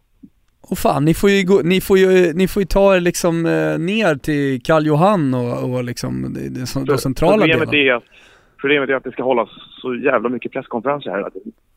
Alltså ni måste Vi jobba. måste hålla oss i krokarna. Ja. Ah, ja. Du Noah, innan vi eh, kommer in på Englands U21-trupp här och eh, deras eh, förutsättningar i detta EM så skulle jag bara vilja fråga dig, för att vi har pratat lite om de mest meningslösa klubbarna att som utländsk supporter följa i de olika länderna. Vi har landat i Udinese i Italien, Mainz i Tyskland, Getafe i Spanien och efter många om och men så började vi landa lite i Aston Villa i England. ja. Ja, Det är väl, jag skulle säga att det är tre eller fyra klubbar som är där och nosar. Det skulle vara Aston Villa, absolut. Eh, det finns ju ändå någon sorts syfte i deras existens om man backar 30 år tillbaka. Jag kan väl nästan inte säga detsamma för Stoke. Eh, Ja, fast vi, vi menade ändå på att så här, någon som säger så här, "Ja, men jag håller på Stoke. Du fattar ju ändå grejen varför någon håller på Stoke. Ja, ja, man är en gammal benknäckarbritt, Ja, älskare. okej. Ja, men om vi pratar 2017 och, och varför du gör det, då, okej, då, är- då, då köper jag Stoke. Då köper jag inte Aston Villa och då köper jag inte West Bromwich heller. Ja, West Bromwich känns ju också som en sån klubb som inte har en USP. Det är väl det de Ja, har. det, Med, det är en Tony- klubb med Tony Pulis har de ju en, någonstans. Fast med Tony Pulis har de ändå en USP. Nej, det är det man inte har med Tony Pulis. Man har sex mittbackar på plan. Skala av, runda av alla hörn och bara sätta sig i mitten och vänta på att dö. Men vi är inte helt ute och cyklar med Aston Villa. Nej, absolut inte. Nej, verkligen inte. Om, någon, om, någon i, om du springer på någon i Sverige som säger så här, men jag håller på Aston Villa. Då undrar Ja. ju du varför. Du säger inte, ah, ja okej, ja, jag fattar grejen. Nej, nej, det, nej det, så är det så, rätt mycket. Då, eller, då, då, det säger väl någonting ofta om, om personen i fråga också. Du, eh, bara kort sådär, mycket vad, att ta reda på. vad, vad är dina intryck just nu? Alltså med landslaget, vi har pratat om en, den här matchen som ganska meningslös mot, mot Norge. Eh, många spelare Ja. som kanske inte är så jättemotiverade. Vad, vad är dina känslor nu när du är på plats och, ja, du har väl varit på Lagerbäcks presskonferens misstänker jag precis. Men, men Ja. ändå, kring Sverige. Nej, jag tycker, det, jag tycker nästan att det är... Jag måste säga att det är ganska kul att se eh, andra elvan som ändå ska ut här idag. Därför att det är Sam Larsson och Viktor Claesson på kanterna. Eh, och eh, det är Pontus Jansson. Eh, det är Emil Kraft som ju faktiskt närmar sig Mikael Lustig vare sig man vill eller inte. Så det, det, det intressanta med precis som att vara och se egentligen andra elvan möta Portugal i Portugal är ju att många av de här spelarna är på riktigt, riktigt nära att konkurrera ut sina sina, sina konkurrenter på olika positioner. Så det är egentligen bara anfallsparet som känns inte så begeistrande. Guidetti och, och Totte Nyman. Det känns ganska lamt på något sätt. Jag väntar mig bara att det ska komma andra spelare och hota berget. Men nej, jag tycker det är oväntat kul att se ett reservlandslag faktiskt. Tror du Armenteros får en halvlek? Han borde ju rimligtvis få det. Eh, allt annat känns ju nästan elakt. Att locka hit honom och sen rycka undan mattan för honom när han är här. Så nej, det, det hoppas jag verkligen på. Jag tror, det, han pratade själv som att han väntar sig att få några minuter igår. Eh, jag eh, måste säga att eh, det, det, känns ju som att den här vinsten också eh, mot Frankrike i fredags, den, den har eh, ännu mer hjälpt till att eh, sluta leden och både då de, de sportsliga men också de supportermässiga kring att eh, fan det här är ett lag att älska. Och du skrev väl någonting om det också i, i svallvågen efter den här vinsten att eh, fan Sverige det, det, det, är en, det är länge sedan man kände så här kring landslaget. Ja, jag tror jag, tror jag använder att man, går, alltså man är på andra sidan på något sätt. Det är så det känns. Det känns som att nu, kan vi, nu har vi liksom den här anpassningsfasen med alla frågetecken kring vad som skulle uppstå efter att alla försvann där förra sommaren. Den är över. Nu är, nu har det här laget färdigformat någon sorts egen identitet som, är, som verkligen inte går att älska och framförallt går att hoppas på. Och det är ganska förväntansfullt för egen del i alla fall vad som händer härnäst. För att det är fortfarande många av de spelarna som är tongivande här nu har ju precis växt in i det och det kommer fler som kommer göra det. Så jag, ja, det är lätt att ryckas med i någon sorts eh, överentusiastisk eh, våg här nu. Men, eh, men man, är, man, man, är, man har svårt att hålla sig och inte tycka att det känns ovanligt kul med svensk landslagsfotboll. På tal om överentusiasm, låt oss prata engelsk landslagsfotboll. Där är ju eh, Optimisten, optimismen alltid flödande. Man är ju nyblivna U20-världsmästare, grattis till dem. Nu går man in i ett U21-EM, man är i samma grupp som Sverige och man gör det med en trupp som vi i alla fall tycker är lite mindre namnkunnig än den som åkte till eh, Tjeckien för två år sedan. Ja, det är den. Eh, men då ska man ju komma ihåg att de har lämnat en grupp spelare borta från den här truppen, eller som, som inte är med, som skulle kunna vara med, som hade gjort det till det överlägset mest namnkunniga laget i, i turneringen. Det, det, är ju ingen, till exempel skulle till och med Raheem Sterling kunna spela här. Eh, Vilka fler är det? John Stones skulle kunna spela. Eh, Luke Shaw skulle kunna spela. Eh, och det är väl några till. Men eh, det, är ju, det, är lite, det känns ju som att det här är ett lag som har lånats ut. Liksom. Om du kollar på hela laget så är det spelare som har presterat på seniornivå, precis som U20-landslaget, ganska mycket. Eh, bortanför storklubbar som de har tillhört hela tiden. Eh, då tänker jag väl, i synnerhet då den som, har, som kanske har gått under radarn lite grann internationell, internationell media i alla fall, är väl Tammy Abraham som gjorde 21 mål för, för eh, Barnsley förra säsongen. Eh, eller, nej, Bristol City var det såklart. Det var han som petade bort Gustav Engvall. Eh, men som ju inte har någonting att göra i Chelseas A-lag den här säsongen heller. Och det är ju det här jätteglappet, akademifelslutet i England. Att vad är oddsen för att en spelare som är i den där åldern faktiskt har någonting att göra i en av världens fem, eller en av Europas 15 bästa klubbar? De är ju inte speciellt stora. Så att unga spelare tillhör de där lagen och lånas runt i någon sorts ekosystem tills de till slut dumpas i mitten av tabellen och sen blir tillbakaköpta. Det, det gänget är där nu skulle jag säga i England. Det, det är många bra spelare men som inte har fått chansen på speciellt hög nivå än. Vad tror du om det, det engelska U21-landslaget Du åker ner till Polen här efter eh, landskampen, eh, de är i samma grupp som Sverige. Polen, Slovakien och eh, inga fler än det. Eh, vad, vad, vad, vad tror du om deras chanser? Det beror på vad de, vad de åker dit för att göra. Jag vet inte vad, hur den här generationen står sig. Om man pratar med dem som följer engelsk landslagsfotboll och FA nära, då säger de ju att England just nu ungefär befinner sig där Tyskland befann sig 2004, 2005. Eh, det vill säga, man har börjat lägga om arbetssättet med unga fotbollsspelare. De ska vara mer anpassningsbara för olika taktiska angreppsspelare, bla bla bla. Eh, och jag vet inte, den här generationen har, jag har inte sett dem tillräckligt mycket, många av de här spelarna, för, för att veta hur bra de ligger till. Och framförallt vet jag inte vad A.D. Boothroyd, tränaren för u landslaget ligger till. För att, det är ju så pass, turneringar är väldigt tränar, tränardrivna känns det som. Och Där är du ju inte ensam. Du är ju inte Nej. ensam i att uh, Boothroyd är ett blankt papper. Ja, nej, han, var, han hade ju en session i, i, i Watford för många år sedan där han gick upp och sen dalade karriären fullständigt och han fick sparken till höger Så då tar man ju ofta flykten till förbundet. Eh, liksom, eh, exit, exit förbundskaptens jobb när man inte funkar i klubblagsfotboll längre. Då har Gareth Southgate sagt en situation i, i A-landslaget nu egentligen. Så FA har blivit en sån tillflyktsort och det gör att man blir lite skeptisk. Jaha, det var inte tillräckligt bra för klubblagen. Välkommen hit. Eh, men eh, ja, det, det där måste gifta sig på något bra sätt. Råmaterialet, spelarna är ju säkert egentligen, hade de skolats på samma sätt som tyska, italienska, spanska, portugisiska ungdomar skolats, då hade de ju varit Alltså, jag varit mer säker på att de skulle göra ett bra u Nu tror jag att de kan gå samma öde till mötes som engelska lag alltid gör när de möter andra fotbollskulturer.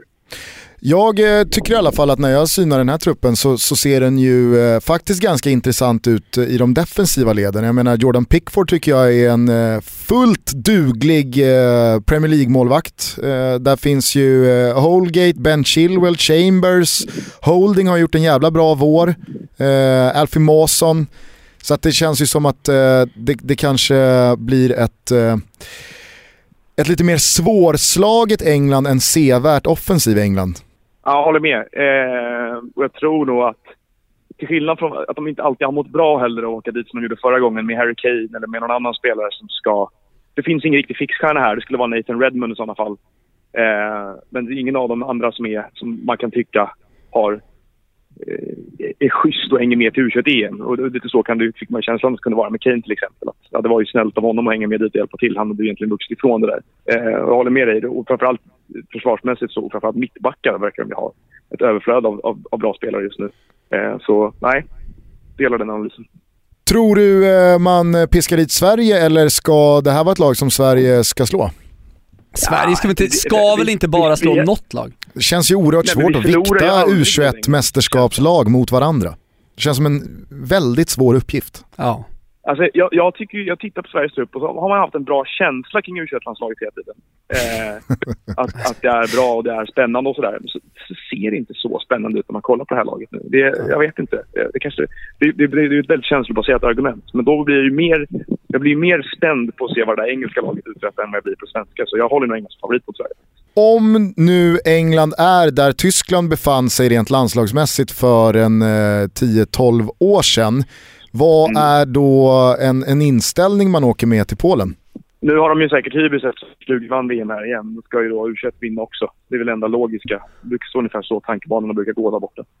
Eh, jag, tror att de, jag tror att de åker dit och det, jag tror att det som kommer uppstå är att om, om det går bra för England så här, om det går bra för England då kommer det uppstå en diskussion om att det är ett jätteproblem att storklubbarna inte vågar släppa fram unga spe, engelska spelare längre. Då kommer det riktas ilska ditåt.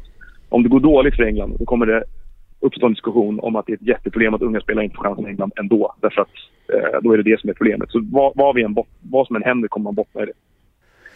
Du, vi ses i Polen hoppas jag. Det gör vi. Det finns en liten lucka där mellan våra totalt 200 mil som ska göras i en svettig buss. Där vi eventuellt hinner ses. Det vore, när, det vore trevligt. När sätter ni er?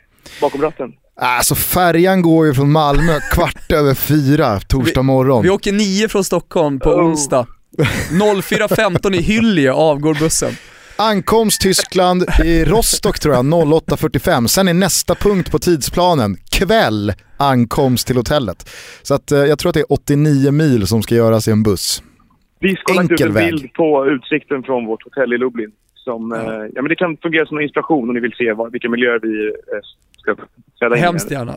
Ja. Hemskt gärna. Du, eh, kort bara innan vi släpper dig. Du som har eh, örat mot de här trottoarerna och som eh, verkligen la ut texten i det eh, caset som jag och Thomas berörde i vårt senaste avsnitt. Ganska så opålästa. Vi, vi var inte riktigt insatta i vad för pengar som VSK claimar utan vi bara orerade kring att Vigge har betett sig som ett svin. Eh, vad, vad landar det i för eh, summor här nu till Västerås när allting verkar klart med Victor Nilsson Lindelöf till United för cirka 350 miljoner kronor? De, de, hade en klausul som sa att de skulle få 20% av eh, net gain, stod, står det i klausulen. Det vill säga, jag tolkar det som att det är då vinsten som Benfica gör på köp på, på försäljningen. Eh, men den är omförhandlad. Men ut, alltså avtalet är omstrukturerat på ett sätt som gör att de får pengar för andra saker nu. Eh, de får fortfarande en vidareförsäljningsklausul, den är inte riktigt lika hög. Men de kommer få, vad jag, som jag förstår det, vad jag förstår av de som, som jag träffade där i alla fall, eh, och, och från andra också, mellan ja, runt 50 miljoner kronor totalt eh, som ramlar in där. Kanske uppåt 60 till och med. Rätt i Mjällbys ficka. Ja, det är ju rätt mycket pengar faktiskt. Ja, men det är bra. Nu håller Anelavic på att strypa mig här i bakgrunden. Så jag måste ja, eh, ta hand om honom så att han inte försvinner. Ja. Han kommer att kunna ta det, om ni blir hungriga, kommer han att kunna ta det till en riktigt bra Pletskavitska någonstans i Oslo. Han kan lukta sig till sånt. Vi ska köpa nya byxor till honom här för de har gått sönder. Ja. Vi ses i Polen eh, och uh, football's coming home. England Det är mot en Bucklan. trevlig resa framförallt. Ja, tack. Tack så Det mycket. kommer behövas. Det kommer behövas. Ha det bra. Hej hej! Nu är det inte jättemånga som eh, står på barrikaden och slåss för eh, det tyska u landslaget Ah, men, de är vi har några. jagat Adam Nilsson här nu eh, under hela dagen. Han har gjort sig otillgänglig. Så att vi har ju haft ambitionen att ha med även en röst med tyskt huvudfokus. Nu går inte det och därför får vi väl helt enkelt försöka dissekera den här truppen och Tysklands chanser. Bara du och jag. Ja, eh, och vi gör det tillsammans. Vi kan väl ställa lite de, här spelarna Gusten, eftersom du tycker att det är så kul, eh, mot de italienska också, så gör vi det till ett segment. Eh, vi, kan väl börja bara, eftersom vi var inne på det med, det italienska u landslaget så vilka spelare var det man hoppades på att få med? Ja, där har vi till exempel Donnarumma, Milans hyllade målvakt som har gjort det så bra. Eh, jagas av eh, en rad klubbar. Det sägs att PSG bland annat har varit i Milano och vill åt honom. Eh, allting hänger ju på såklart vad, vad Milan erbjuder honom nu när man ska förhandla om kontraktet. Men, men det, det är ju en redan, tycker jag det känns som i alla fall, talangmässigt och även liksom det han har stått för, en mål som är redo för den, de absolut största scenerna. Eh, han knackar på dörren bakom Buffon i A-landslaget eh, och hade inte Buffon spelat så hade det varit han eh, som, som, som vaktar det italienska målet. Sen om, man, om man då tar backlinjen så är det ju flera av de här spelarna som var med senast som, som, som jag också nämnde. Vi har Rogani, Juventus-ägda. Han, är fortfar- han har fortfarande inte lyckats slå sig in i den otroligt sammansvetsade och, och stabila backlinjen som är Bonucci, Barzagli, Chiellini. Däremot så har han ju fått betydligt mer speltid den här säsongen och när han har spelat så har han ju varit riktigt bra. Det är en mittback som i, man i Italien tror kommer bli den, ja, en av de nästa stora mittbackarna. Eh, när du kollar på den italienska truppen, vad tycker du sticker ut där? Jag nämnde Donnarumma till exempel. Man är ju som vanligt alltså ett defensivt starkt lag, alldeles oavsett vad man tycker om, om spelarna. Det, det, det är organiserat och, och allt det där, det vet ni om. Och Di Biagio som är eh, u förbundskapten, han är också en ganska låt oss säga då, traditionell italiensk tränare och, och, och eh, säkrar hellre än att eh, spela, spela offensivt. Det som faktiskt känns extra intressant med eh, Di Biagio är ju att eh, det, det nog är så att han spelar lite med jobbet som insats. Ja, alltså med tanke Han på är nog man har- jävligt revanschsugen. Nog. Ja men det, är det, Det- jag menar, alltså, så här, och det- det tror jag är en faktor man inte ska, ja, men jag, jag tror att det är en faktor man inte ska underskatta. Att det här är en relativt kort turnering, det handlar om fem matcher om man går till final. Eh, Italien kommer med i princip bästa möjliga trupp och du har en förbundskapten som har fått två år till efter att man åkte i gruppen för två år sedan. Så att eh, Di Biagio är nog jävligt angelägen om att eh, lyfta den här bucklan och gå hela vägen. Och det kommer bli intressant att se. För jag tror att några lag i det här mästerskapet, de är nog lite nöjda med att vara här och sen så blir det vad det blir.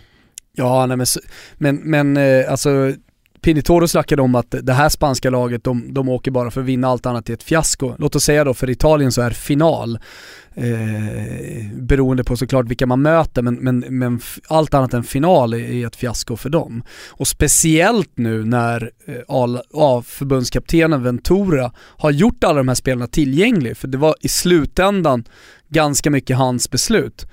Eh, jag nämnde dem tidigare, alltså några, några av de eh, största talangerna då såklart i, i fotbollseuropa med Bernardeschi till exempel som nu jagas, eh, spelar i Fiorentina som nu jagas av Juventus, Inter, eh, även utländska klubbar som är på och, och rycker i honom. Det har till och med faktiskt, nu tror inte jag på det då, men, men det har till och med snackats om Barcelona och, och sådär. För eh, den offensiva mittfältaren, eh, men eh, det, det, det är inte lika, låt oss säga så här, det, det är inte lika många spelare som har lyckats i stora klubbar. Om man tar till exempel Saul, eh, som, som eh, Asensio som ändå har lyckats i Madrid-klubbar. Eh, så är det väl inte riktigt på samma sätt i Italien då. då. Eh, och problemet där blir ju lite liksom att det är ju bara Juventus som gör, eh, i, alltså gör det bra i Europa. Och där, där kommer man ju till hela den här diskussionen kring att den italienska ligan kanske då är lite, lite för svag. jag tror inte att alla känner till de här spelarna, men, men då, för att nämna några så är Andrea Conti just nu på väg till Milan. Han är han kanske blir klar idag, han blir klar i dagarna. Han eh, gjorde väl en 15 poäng, 8 mål, 6-7 assist i Atalanta. Atalanta som har varit en stor succé i, i Serie A den här säsongen. Eh, det, det, det, är ju en spelare som vore konstigt om han inte lyckades, alltså blev en stor mittfältare. Eh, han är med i den här matchen, eh, i, från, från samma Atalanta-lag har man Caldara, vi har Davide Calabria i Milan. Eh, som sagt, inte de här jättestora spelarna kanske som, som hela Europa och som gemene man lyssnar på den här podden känner till. Daniele Rogani är ju ledaren, alltså Juventus-spelaren som jag pratade om tidigare. Kollar man på mittfältet då, med sig från förra mästerskapet så har man ju Danilo Cataldi, Lazio-spelaren som gick till Genoa. Eh, han kommer ju såklart med, med stor eh, revanschlust. En av dem som jag gillar kanske mest av alla, det är ju Lorenzo Pellegrini i Sassuolo. Alltså en, en, återigen då, en, en mittfältare som gör poäng Roma-fostrad, eh, ryktas om att om Di Francesco då blir Romas nästa tränare, att Pellegrini då kommer följa med honom. Eh, Manuel Locatelli får man ju ändå säga har fått ett genombrott i Serie A den här säsongen, Milan-spelaren. Gagliardini som gick till Inter för mm. en jävla massa pengar också då, spelade hösten med, med Atalanta. Sen är det väl inte speciellt uh, otroligt att uh, Benassi återigen kommer Nej. vara kuggen i hela maskineriet. Nej, det är han. Otroligt bra. Ja, och i den Sist. matchen som vi ofta refererar till här, Englandsmatchen, så var han ju faktiskt ruggig och han, är, han, är, han gör ett enormt jobb. Eh, men sen är det liksom om de stora stjärnorna så går vi upp till anfallspositioner. Jag nämnde Bernardeschi tidigare, men där har vi också Domenico Berardi. Eh, vi har Federico Chiesa, sonen, som också har fått genom sitt genombrott den här säsongen. Och då pratar vi om spelare i, i Chiesas fall som är för ung, som du pratade om i det spanska laget egentligen, för det här u landslaget eh, Och sen så en av de skönaste lirarna som man verkligen ska hålla koll på är Andrea Petagna. Då är vi tillbaka i, i Atalanta igen, alltså en riktig nummer 9-typ. Jag brukar jämföra honom med Borriello, jag tycker de ser ungefär likadana ut på planen. Kanske att Betania är lite, mer, lite större då. Men eh, alltså det, det, det, här laget, inte lika namnkunnigt som, som det spanska, men eh, det, det, det är ett lag som åker för att vinna. Eh, ska man fokusera lite på Tyskland så är det ju ett eh, väldigt, eh, alltså, riktigt bra lag de åker med, det måste man ändå säga. Ja. Eh, och de spelarna som Stefan Kuntz förbundskaptenen nog litar lite extra på i den här truppen, det är nog då Emil Forsbergs lagkamrat Timo Werner. Har mm. gjort en strålande säsong på topp i Leipzig, han är med.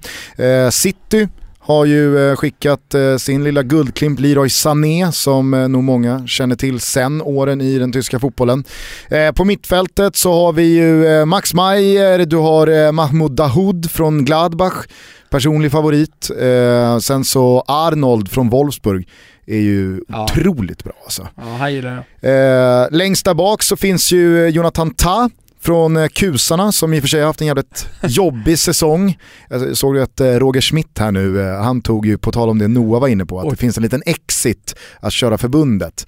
Roger finns Schmidt, ju en till exit. Ja, Roger Schmidt Öst. drog ju östvägen och drog ett eh, Paolo 50, Sosa och 50 Roger miljoner. Schmidt euro per år eh, kontrakt, kanske inte 50 miljoner euro per år då, men eh, ni fattar vart jag vill komma. Niklas Starke, eh, Hertha Berlin, det är en riktigt lovande mittback eh, som jag gillar som fan. Nu har Albins lagkamrat Gideon Jung mm. från Hamburg. Eh, intressant. Däremot så tycker jag att det är länge sedan en tysk U21-landslagstrupp hade så svaga namnmässiga målvakter.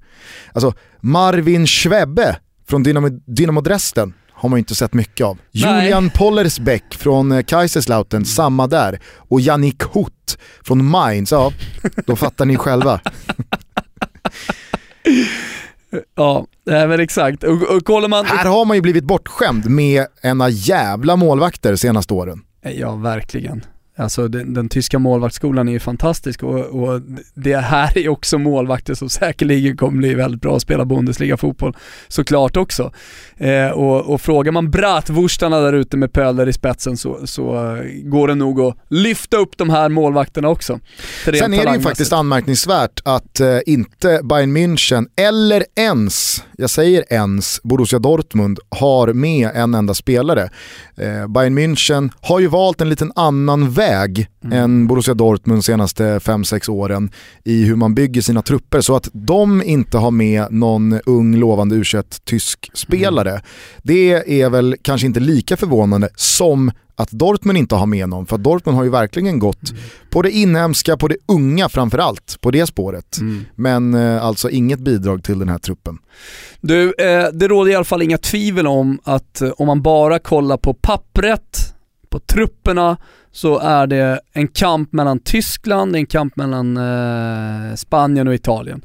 Alltså det, det, det är de tre trupperna som sticker ut. Portugal finns där bakom och sen så är det de här intressanta lagen, alltså Polen spelar för sin hemmapublik, eh, det ska man aldrig underskatta, plus då att eh, alltså synar man lite det här polska laget så finns det fantastiska fotbollsspelare där också som också börjar etablera sig i stora lag.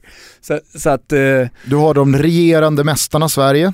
Du har de regerande mästarna Sverige som inte är så mycket mer än regerande mästare skulle jag vilja säga i det här fallet.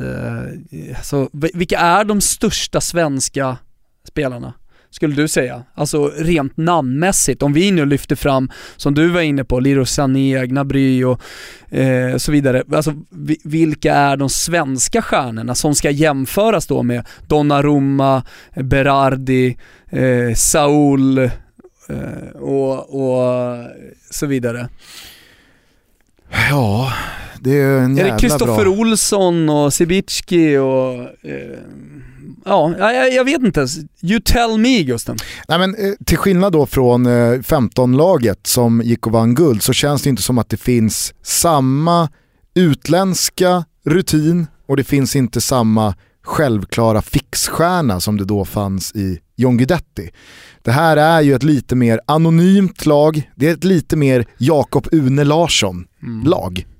Djurgårdens mittback som äh, lär äh, spela och 90 en, ja, och i, en, i mittförsvaret. Och ändå så är det många som vill hävda att det här laget rent talangmässigt är starkare än, eh, alltså ett, ett, ett mer talangfullt svenskt u landslag som åker till Polen än som åkte till Tjeckien. Men säger man å andra sidan inte alltid det då?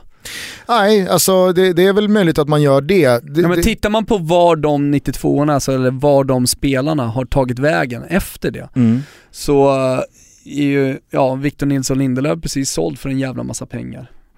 Eh, bara för att ta ett exempel, Emil Kraft är, är startspelare i Bologna. Ja. Eh, alltså det, det, är en av de stora, de stora ligorna vi pratar om, John Guidetti i Celta Vigo och så vidare.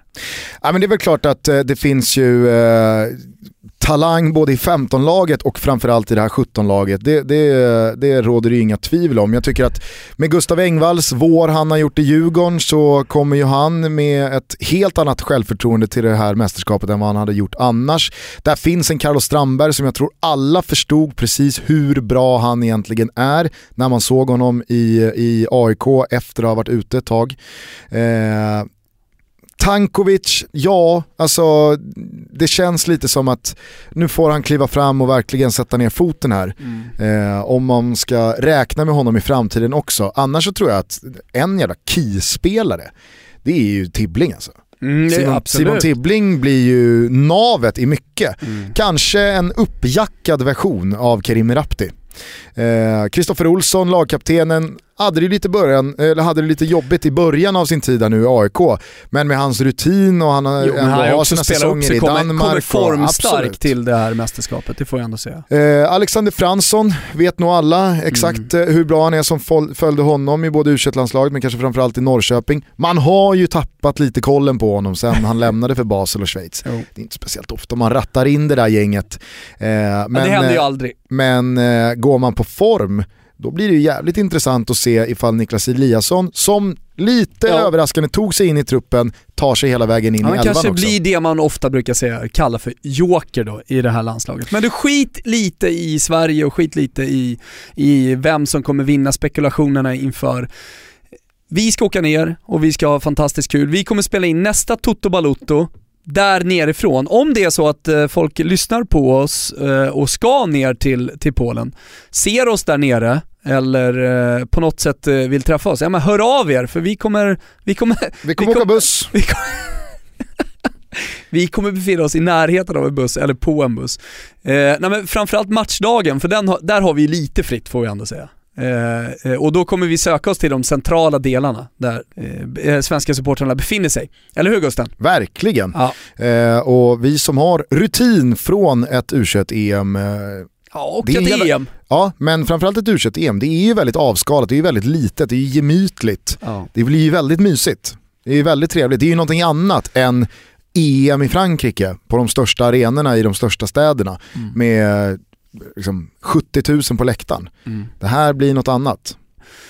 Vi kommer att avsluta Vasskampen här i veckan, det blir invägning. Eh, ni som har spelat pengar på oss på eh, Betsson, jag stod i 1,70 när vi började, Gusten i två gånger.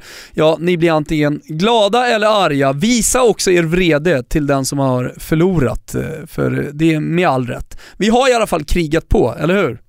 Det har vi verkligen gjort. Det börjar lukta seger för Thomas Wilbacher för du har ju gått ner satans Alltså, mycket du- i, i, i vikt här. Nu, nu har du liksom börjat vända på det här, från att då i flera veckor varit kaxig och, och helt säker på att vinna. Nu så här dagen, eller dagarna innan invägning, då har du vänt alltså. Det är lite förlorarmentalitet i det där surret kan jag tycka. Ja, vi får väl se, eller så tar jag bara höjd för att det, det, det kommer sluta med en förlust här. Men jag är jävligt nöjd och stolt eh, över hur hela den här vasskampen har behandlat mig. Eh, torskar jag så vet jag att jag har gjort så mycket jag bara kunnat. Eh, Mm. Du har gjort det bättre. Eh, jag tycker att vi ska avsluta det här eh, snacket om U21-EM som nu står för dörren med att då väva in eh, våra polare på Betsson och deras odds på slutseger i det här eh, mästerskapet. För du och jag vet ju att eh, spelmarknaden, oddsmarknaden, det är en väldigt bra marknad att vända sig till när man vill prata favoritskap, när man vill prata förväntningar och sådär.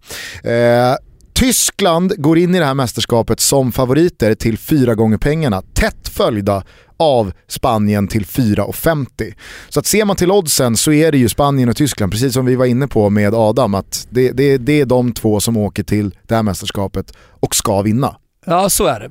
Eh, tveklöst. Och sen precis där bakom då så är det Portugal och Italien, sju gånger pengarna. Och så England såklart, Mm. eh, som, som femte favorit eller vad vi ska kalla dem för. Till 10 gånger pengarna får man på The Three Lions. Eh, där bakom hittar vi hemmanationen Polen och de regerande mästarna Sverige till 15 gånger pengarna och kanske, kanske är det med en liten peng på Gulo, Gulo Gulino som eh, man sätter sig på den där bussen eh, på, på torsdag. Eller vad säger du? Ja, jag börjar, du vet, jag börjar bli lite sugen på Makedonien för 50 gånger pengarna. Alltså jävlar vad bra de var i kvalet. Kan de liksom spela på det sättet även i, under själva mästerskapet? Jag menar, de åker ju också, tänker jag då om man jämför med de här stora nationerna som ja, men, har, spelar bort sig, lite, lite som Spanien senast, trots att de är så otroligt talangfulla och redan etablerade och allt vi har snackat om under det här, eh, under det här eh, avsnittet av Toto Balotto, så, så de, de lever inte alltid upp till de förväntningarna. Makedonien däremot, de kommer ju, de kommer ju ge allt alltså. Mm. Ja, Lite nej, som det Sverige blir ett senast. otroligt eh, härligt U21-EM att eh, följa här nu under juni månad och nu har det ju varit en tid här sen de inter- internationella ligorna eh, gick i mål, allsvenskan har haft lite uppehåll. Visst fick man jubla skiten ur sig precis som du gjorde, on camera, har det gått viralt. Expressen Live-klippet eh, från när Ola Toivonen avgjorde i fredags mot eh, Frankrike.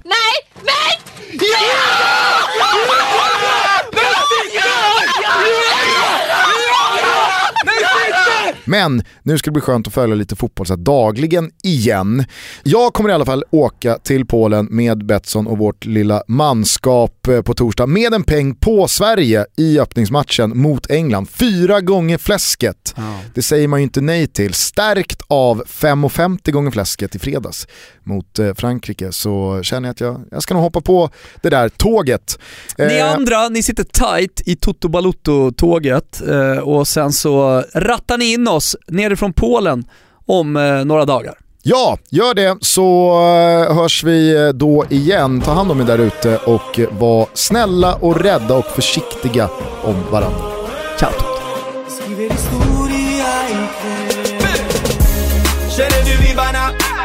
Det ligger nåt i luften, nu vänder ju vindarna. Oh, killarna är redo för att överkomma hindren så Jalla nu vi kör, alla fansen är med. Saluterar i honör, dessa fransmän farväl Mina landsmän är här.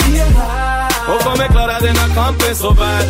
För vi har supergjudet i nummer 10 Neby Repar Västerort tillsammans med Milosevic Stamstamma Larsson, vi och Isak Thelin. Lagt det klart vi kommer vinna med stil så. Vi kan ge upp, de andra ser upp. Inget mm, är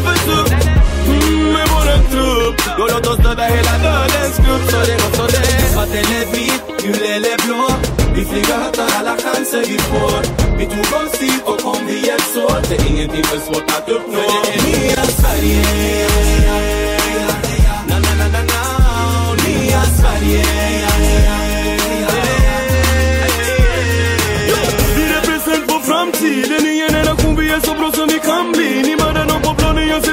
till att ni alltid Och något av bounce till innan man kör i halvtid Av alltid Ingenting kan stoppa oss När vi väl kommit igång, ja, ja Står upp, vi är stolta och vi är självsäkra För Patrik vaktar kassen, du kan känna dig trygg Lud är bästa vänsterbacken, shuno vaktar din rygg Mittfältet tackar jag e för Khalili Laget spelar som en fet familj, så det går så yeah Svart eller vit, gul eller blå Vi flyger högt, tar alla chanser vi får Vi tog oss hit och kom vi hjälps e åt Det är ingenting för svårt att uppnå Det är nya Sverige Na, na, na, na, na Nya Sverige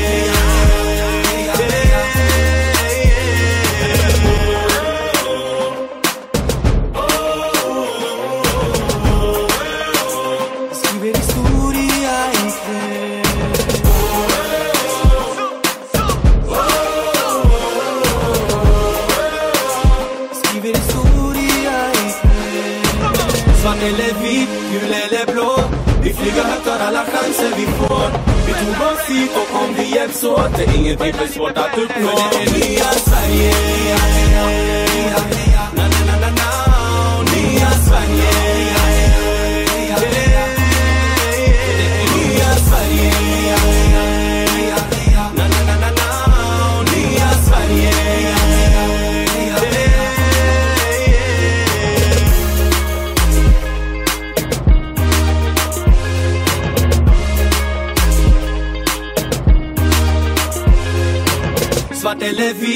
Gul eller blå Vi flyger högt, tar alla chanser vi får Vi tog oss hit och kom vi hjälps åt Det är ingenting för svårt att uppnå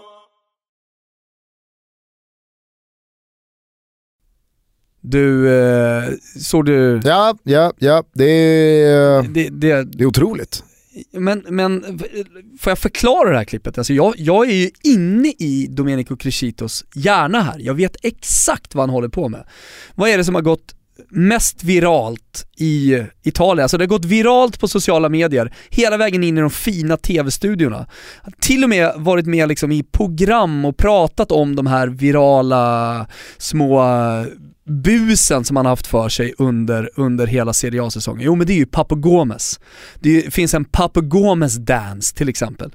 Eh, han, han är inte bara då hyllad för att han gjort en fantastisk säsong, utan också för att han är så himla rolig på, på sociala medier. Det som händer här nu i Domenico Crescitos skalle, det är att han vill vara Papo Gomes. Han vill också bli viral. Han vill också vara lite crazy, för han skriver ju det när han gör den här dansen på Instagram, så skriver han det liksom. Nu har jag visst blivit lite tokig, Mm. eller någonting liknande. Men, men du vet, det, det bara faller så jävla platt. Det är inte roligt, Domenico. På något sätt. Alltså du är inte cool, du är inte rolig, du är ingenting. Du är bara en sorglig jävel på ett trött resort utanför Cagliari. Det är vad du är. Ja, det är de absolut sjukaste sekunderna jag har sett. Ja, men han behöver ju inte filma rätt upp i anus Nej. Va? Nej, det är... alltså, på, på, på samma sätt som man måste fråga någon varför hen håller på Getafe eller Mainz eller Udinese eller Aston Villa. På samma sätt så måste man ju efter det där fråga, alltså det enda, man, det enda som finns i mitt huvud är ju varför? Ja. Varför gör du det här? Alltså, nu, släcker vi, nu, nu släcker vi det här Gusten. Nu går vi vidare, nu lämnar vi lite Crescito där borta. För att du- vet, det, det där var lite droppen tycker jag. Ja, eller så får vi se om det kanske var liksom, han visade upp att det finns ytterligare en Ja, du, vaniljväxel här. fatt, du fattar att det här är liksom ett försök då Ja, att, ja. att bli Papagones? Ja, absolut, absolut. Ja, det Jävla är tönt. jävla sorgligt.